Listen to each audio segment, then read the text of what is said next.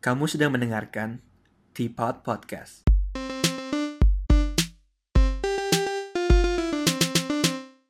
Hello, welcome back to Teapot. Hari ini kita bakal ditemenin ngobrol juga nih sama teman kita yang dulu pernah uh, nemenin kita ngobrol di eh, di episode ketujuh yang ngobrolin soal apa ya itu episode ketujuh ngobrolin soal kegelisahan setelah lulus ya iya iya Uh, namanya Sela mungkin bisa dicoba sapa lagi pendengar kita ya. Halo guys. Jadi hari ini kita bakal ngobrolin soal pernyataan aneh pemerintah di media. Nah kan akhir-akhir ini mungkin kalian banyak baca berita dan banyaknya kejadian besar kayak virus corona yang lagi merajalela dan juga mungkin sebelum itu ada banjir dan banyak kejadian lainnya. Uh, kan media benar-benar menyorot pemerintah nih dan pas gue di media online sih banyak dari teman-teman gue dan juga gue sendiri banyak lihat headline yang mengutip pernyataan aneh dari pemerintah gitu sih. Dan menurut gue ya ini baik yang aneh lah gitu. Kayak gue nggak tahu apakah mereka salah ngomong atau mereka yang emang kurang ko- kompeten atau jangan-jangan kita juga bisa bahas nanti. Kayak apakah jangan-jangan media juga punya andil di di keanehan-keanehan inilah gitu kan. Nah mungkin kita mulai dulu dari yang pertama yang paling dekat yang paling dekat baru-baru ini juga itu yang soal corona. Nah mungkin mungkin sebelum kita masuk ke statementnya Budi bisa coba bantu ngupdate kita soal corona di, di Indo deh mungkin. Terus jadi dari SCMP kita ada lihat kan sekarang di dan juga berita kita lihat corona tuh di Indonesia makin banyak kasusnya. Dan sampai sekarang sih yang tercatat kurang lebih ada 117 kasus dan 5 di antaranya meninggal dan 8 di antaranya sembuh. Dan menurut gue sih kemungkinan angkanya bakal bertambah buat ke depannya. dia sebenarnya lumayan cepat juga ya baru dua minggu. Kan dua, Dua minggu, minggu lalu ya, kan dua minggu minggu lalu baru first case tahu-tahu udah 117 Mhm. kalau menurut lu gimana sih kira-kira ini gara-gara apa nih bisa sampai jadi seperti begini Menurut gua kayaknya itu satu pemerintah itu lama menurut gua. Kan ada beberapa case yang bahkan orangnya udah meninggal, tapi kayak hasil tesnya itu ketahuannya positif setelah orangnya meninggal. iya iya Jadi kayak kalau dia udah ketahuan positif dari awal, pemerintah kan langsung kayak cari kontak yang kontak Tracing, terdekatnya tracing, gitu lah. tracing ya. Jadi di- bisa langsung kontak yang terdekatnya disuruh check up juga, disuruh isolasi juga. Tapi Hmm. itu lama. Sementara pas nungguin hasil tesnya positif atau enggak, mungkin mereka nggak ngapa-ngapain gitu loh. Orang sekitarnya juga kayak nggak tahu, kirain ya mungkin udah dia aja gitu ya. sakit biasa doang gitu. Gue nggak usah check up lah gitu. Iya, iya. Sebenarnya kalau dibanding sama Hong Kong kan kita udah hampir dua sampai hampir tiga bulan mungkin ya masuk ke Yang bulan ketiga. Bulan bul- bulan bulan ketiga ya yang banyak corona ini. Mm-mm. Nah kita baru sampai 141 case kalau nggak salah ya. Itu kalau di Indo baru dua minggu aja udah 121 kayaknya sih kelihatannya kalau dari statistik dari dari semuanya sih kayaknya peaknya ma- masih jauh sih Masih Bak- jauh. bakal dia bakal naik tinggi Hmm. banget gitu. Tinggi banget gitu kan. Nah mungkin kita bahas ini mungkin lanjut lagi deh. Tapi kan salah satu faktor kenapa Hong Kong dan Singapura misalnya itu naiknya mungkin lebih pelan dan lebih terkontrol itu karena kita udah meng, apa sih Antisipasi. mengantisipasi dengan cara social distancing ya. Jadi kan udah ada- dari awal-awal udah dihimbau pokoknya cuci tangan tiap kali di terus habis itu semua orang disuruh kerja di rumah, jangan Sekolahnya keluar-keluar, diliburin. sekolah diliburin juga. Pokoknya social distancing kan gitu. Nah, sekarang di Indonesia sih di Jakarta udah mulai juga nih social distancing kan, yang ada car free day-nya diberhentiin segala. Oh, iya, iya. Tapi baru dua hari lalu gue baca berita wali kota Bekasi namanya Bapak Tri Ardianto Heeh. dia tuh masih mau buka car free day di, di Bekasi terus dia dia bilang ya normalnya masih dibuka. Terus terus nih ini gua kutip nih gue baca nih. Iya. Se- sebenarnya di suhu dua- 26 dan 27 derajat virus corona itu akan mati. Pasti pasti di car free day virus corona itu mati katanya. Dia dapat data dari mana? ya itu mungkin dia mengacu. Dulu orang banyak yang bilang kalau pas flu case gitu kan uh, kalau misalnya temperaturnya tinggi ntar virusnya mati gitu kan. Tapi sekarang kan kalau dibilang temperatur tinggi mati di Indo nggak ada case loh bener gak sih Iya, makanya. Di Singapura aja yang sama panasnya kayak Indo banyak juga case-nya. Berarti kan tuh nggak terbukti dong harusnya. iya kok terus kalau dibilang pas di car free day virusnya mati pasiennya keluar ke car free day mati pasiennya Semua-semua biar, biar pasien gitu. sembuh semua gitu kan nah, menurut lu kenapa orang bisa sampai mikir begitu ya mikir aneh-aneh begini coba. Di, di saat semua orang lagi ayo guys kita social distancing. Terus tahu-tahu ada satu orang yang bilang yuk car free day. Aman kok semuanya bisa selamat. Nggak tahu juga sih. Menurut gua mungkin orang eh mereka tuh nggak mau rakyatnya panik kali. Jadi mereka lebih kayak udahlah ini nggak apa-apa kok santai aja nggak usah panik. Mungkin ya. Cuma mungkin karena kita udah tahu seberapa Cepet nyebarnya cepet gitu. nyebarnya dan ini tuh bukan hal yang main-main kita ngerasa kayak ah dia mah gampangin banget gitu loh iya iya Kalau ngeremehin ya. terlalu ngeremehin gitu Mungkin itu salah satu masalah di pemerintah di Indonesia juga sih kemarin ya. Kan katanya dari awal mereka tuh kelihatan meremehkan virus ini gitu kan. Jadi banyak yang nggak siap dan berapa Kan berarti kan ya ketahuan banget kalau misalnya sampai semua bilang social distancing tak tahu ini masih buka car free day kan berarti ada komunikasi yang terputus di tengah-tengah bener Iya, nggak sih? Jadi kayaknya entah kenapa tak tahu masih bisa-bisanya mikir gitu sih. Jadi kayaknya kurang siap berarti ya. berarti kayaknya ya sih kurang siap Iya, iya. Nah itu mungkin lanjut ke berikutnya ini nyambung juga sama yang dulu si dokter Terawan. Ah, dokter Terawan itu Oh. menteri kesehatan kita. Iya. Juga dulu pasti tanyain kenapa nggak ada virus corona. Terus dia bilang "Karena kan terlalu banyak. bodoh Mungkin orang-orang banyak berdoa aja dengan virus corona ya. Terus gue ingat banget lu sempat nge- nge-share itu di Instagram Iya. sampai lu garis bawah terus lu komen apa gue. Iya. Nah, lu pendapat lu gimana? Sharing sama yang lain juga.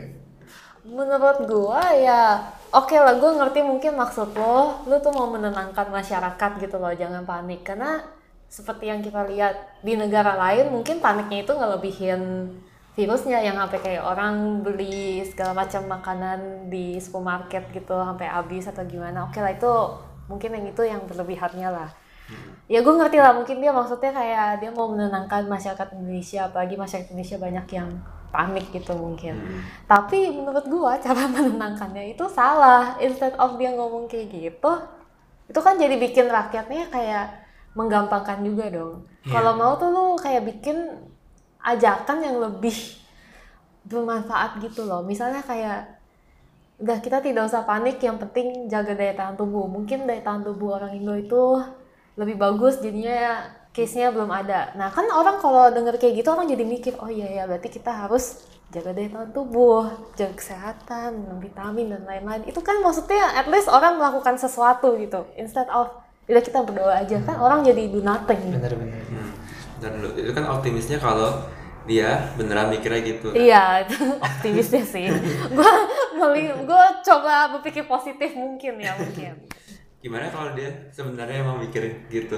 Wah, eh tapi sebenarnya sedikit masuk akal sih kalau misalnya gue, gue jadi menteri kesehatan nih ya gue tanyain kan kenapa di Indo nggak ada kasus gitu gue juga bingung sih kalau kalau kata lu kan mesti kita promote gitu kan promote Iya.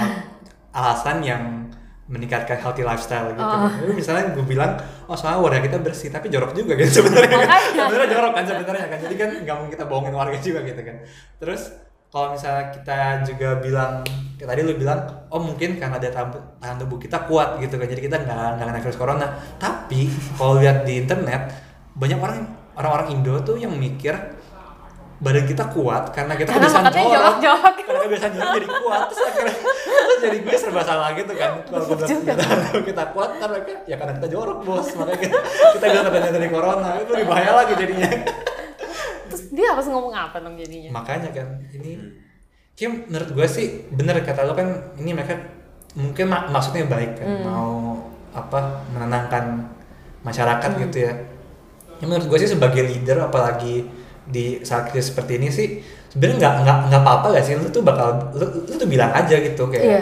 ya udah ini ini bahaya mungkin ada orang yang sadly bakal mati tapi kalau lu jaga precaution kita bisa meminimalisir resiko ini Iya, gue setuju sama Eh, yang jadi gitu. Daripada bener- lu tutup-tutupin, mendingan lu ya udahlah transparan aja. Transparan Semakin aja. lu kayak nggak memberikan pernyataan yang convincing, rakyat makin kayak apaan sih? Makin kayak takut gitu loh kalau lu semakin jadi curiga jelasin. juga ya? Iya kan malah jadi curiga Iya. kan. Dulu gue sempat nonton YouTube uh, The, The Daily Show yang Trevor Noah dia, dia sempat bilang katanya itu penting banget buat transparan kayak lu kalau misalnya naik pesawat misalnya mau ada turbulence nih kan biasa sih kaptennya bakal bilang kan oh ini kita bakal ada turbulence ntar bakal Oh. guncang-guncang lu, lu duduk dulu aja ntar gue bakal kasih tahu Iya. kapan dia bisa boleh berdiri lagi terus akhirnya pas beneran ada turbulence lu, lu udah siap lu, lu udah fasten seat belt dan lain sebagainya kan? Eh, jangan sampai ada tato kaptennya bilang oh ini kita semua aman-aman tato orang goyang jebak jebak jebak kita jadi panik semua gitu kan. Malah jadi kayak ini apa nih? Gitu kan. Malah orang ada yang seat beltnya mungkin nggak nggak kenceng jadi malah itu. Hmm, ya makanya. Kayaknya menurut gue sekarang justru pemerintah Indonesia kayak pilot yang nggak ngomong apa-apa gitu loh. Makanya rakyat jadi kayak kitanya jadi kayak bertanya-tanya sendiri ini sebenarnya ada apa sih sebenarnya berapa banyak sih pasiennya sebenarnya kayak mereka ngapain gitu sekarang ini sekarang le- lebih dari yang ini kayaknya ya harusnya ya nomornya sih ya. harusnya sih cuma belum dites aja belum kayaknya. dites aja ya. soalnya dulu ada teori menarik juga sih dulu bisa nonton podcastnya Deddy Corbuzier Heeh. katanya dibilang menurut lu bisa gak ada kemungkinan pemerintah tahu ada yang kena gitu. Aha. terus tapi kayak supaya orang nggak panik karena mereka tahu orang-orang itu kalau panik kacau gitu. Uh-uh. jadi mereka handle itu diem-diem gitu. Sebenarnya ya ya Bisa ya, bisa. Menurut- menurut gua ya bisa bisa aja guys bisa sih. Amin nggak pernah ada yang tahu nggak kan. ada yang tahu gitu Terus, tapi menurut kalau gitu mendingan gitu atau mendingan di- dibuka aja? Mendingan dibuka aja sih Mending dibuka ya? Sebenarnya. iya iya Budi ada komentar gagal tadi Iya. Gue cuma mikir ya bisa aja tapi rasanya enggak lah. Nggak apa ya. Hmm. Oke, paling ini kita udah sering banget ngomongin corona. Gue juga di berita banyak banget ngomongin corona kayaknya udah capek ya dengan banyak soal corona malah makin stres sendiri. Ini kita bisa mundur sedikit uh, ke berita yang dulu sebelum corona kan sempat banjir. Banjir baru ya. Hah? Pas tahun baru kan Oh, banjir parah iya, tuh. iya. Terus kayaknya media tuh nyorotin Pemprov DKI terus lah pokoknya sampai kenapa Pak ini banjir banjir penanganannya gimana. Terus ada satu statement yang menangkap menangkap mata gua sih dari sekretaris eh sekretaris daerah eh, DKI Jakarta namanya Sa- Saifullah. Mhm. Dia dia bilang manusia itu dua per tiga air jadi banjir dinikmati saja. Terus katanya eh, tubuh kita per tiga persen air, sering keluar air, banyak air di kepala atau atau di mana? Atau di mana? Air mata saja harus ada manajemen. Abis itu gue bingung gitu, kenapa dia menghubungkan ma- manusia dengan dengan banjir gitu kan? Aha. Kalau menurut tuh sebenarnya media tuh perlu gak sih motif-motif yang begini?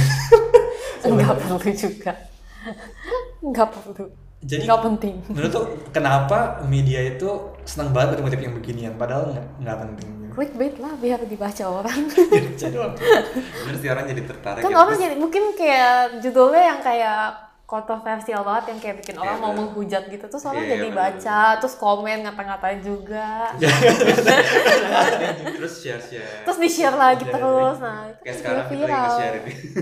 Iya, bener lucu ya kita jadi bener juga kita jadi promote mereka ya Iya soalnya masalahnya ini gue bukan lihat di media yang asal-asalan gitu ini kompas loh yang yang motif ini loh. Banyak juga tahu sekarang Iya. kayak Tempo kayak gitu-gitu udah mulai udah mulai kayak media yang biasa kutip-kutip gak jelas juga. Yang perang ber berfaedah udah mulai dikutip-kutip gitu ya. Iya sekarang hampir semuanya.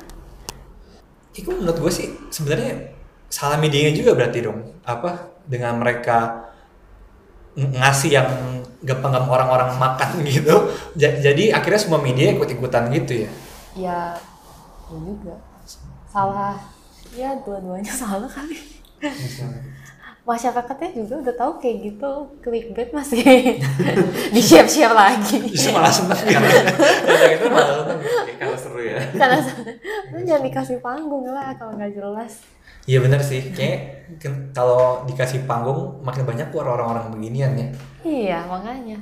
Kayak mungkin kak, ya mungkin ngomongin banjir juga nih dulu jadi ramai juga yang kom- komisioner KPI ingat gak sih yang dia sempet ngomong kalau orang berenang bisa hamil katanya. oh iya Eh, bisa hamil itu kan itu dia yang bodoh itu bener menurut gua dia, dia beneran pikiran dia tuh oke orang berenang bisa hamil atau dia dia memanfaatkan uh, situasi yang kita bahas ini Uh-uh. media mengutip hal-hal yang aneh-aneh di blow up ke atas Uh-huh. jadi dia menggunakan mom- momentum itu biar dia naik ke atas Heeh. atau emang dia begitu sebenarnya jadi bingung kadang-kadang Tapi kalau dia memanfaatkan momentum dia buat naik ke atas, buat apa dia terkenalnya jadi hal yang buruk dong, bukan hal yang Iya, baik. iya makanya. Rasanya dia emang percaya kalau kalau berenang bisa bikin orang hamil. Tapi juga susah dipercaya kenapa ada orang yang bisa Mas mikir kayak kenapa gitu? bisa percaya gitu ya? Dan dia mikirnya bisa kayak gitu dan dia bisa jadi komisioner KPA itu komisioner tuh anak loh makanya. Nah, iya harusnya dapat pendidikan seksual yang yang memadai lah ya harusnya ya. Saya tahu kalau misalnya bahkan orang dibuahi secara internal aja ada kemungkinan spermanya ma- mati sebelum membuahi telur telur gitu Iya, kan. Ini di kolam renang udah kena kaporit udah bisa bisa menembus pakaian dalam masuk ke dalam gitu coba. terus kayak common sense kita hidup di dunia ini kayak udah beribu-ribu tahun ber- dua ribu tahun terus ada kolam renang tapi nggak pernah ada yang hamil cuma dari kolam renang Hmm. Iya sih. Atau mungkin dia cuma mikir karena di kolam renang kan pakaiannya lebih terbuka, jadi ya buat lebih mencegah aja. Cegah apa maksudnya juga jadi yang hal yang tidak diinginkan gitu misalnya. itu kolam renang orangnya ramai banget bisa ada orang yang berani melakukan itu Iya bisa aja sih. Maksudnya ya nggak sampai yang separah itu misalnya kayak misalnya pelecehan seksual pegang-pegang lah atau apa gitu. Oh, berarti maksudnya ini lebih ke promote gimana bisa milah kolamnya jadi bisa gender gitu? Mungkin gitu ya. Ya mungkin. Gua tapi tunggu pikiran- sebelumnya dia bikin statement itu untuk apa sih? Maksudnya Makanya- tujuannya dia? Gue kadang aneh gak sih? Kita melihat berita nih, kita tahu orang itu ngomong yang aneh, tapi kita nggak tahu media nanya, nanya- apa. iya makanya. Tujuannya apa ya? Makanya ditanya tadi orang tadi yang dia kai, wah Mbak, bapak tahu gak manusia itu berapa, berapa persen air? Terus dia ngomong manusia dua, dua per tiga, udah dua, dua per tiga bagiannya itu air, atau atau dikutip gitu. Jadi bisa aneh-aneh gitu juga kan. Makanya nggak tahu Gue cuma penasaran, abis itu efeknya apa ya konsekuensinya? Abis dia bikin berita ini. Salah ngomong gitu, pengen ngomong gitu. Hmm. Jadi dihujat lah. dihujat doang dihujat ya? iya Dihujat terus akhirnya dia bikin video lagi bukan sih Iya iya. Eh, video apa ya? Klarifikasi. gitu. klarifikasi gitu ya dia salah ngomong atau apa gitu dia bikin video lagi Ya kalau nggak salah KPAI-nya bilang "I- itu statement pribadi bukan statement organisasi kita. Jadi nggak mau ikut ikutan gitu. Terus akhirnya dia, dia akhirnya sih dia minta maaf. Sih. iya ibunya kayak ngomong gitu minta maaf gitu Tapi gue nggak yakin dia minta maaf karena dia tahu itu salah atau dia minta maaf karena ya udah udah di Cuma udah dihujat aja. Aduh. Terus mungkin satu lagi sih yang gue pengen bahas. Eh, pernah baca beritanya nggak sih yang, Yang mana? ada menteri PMK ya PMK itu pembangunan manusia dan kebudayaan namanya Bapak Muhadjir Effendi. Terus dia kayak mau mengusulin nguar buat ngusulin ke eh, kayak MUI atau ke mana ya buat ngeluarin fatwa eh, orang kaya nih sama orang miskin. oh yang ini Katanya supaya kesenjangan sosialnya berkurang di Indonesia. gitu. Menurut lo fenomena itu bagaimana? menurut gua apa ya nih ya lu udah jadi menteri lu kayak kalau nggak pintar at least lu jangan ngomong yang aneh-aneh lah gitu Tapi menurut lo dia, dia pasti lebih pintar daripada itu kan? Dia, dia pasti lebih tahu daripada itu gak sih?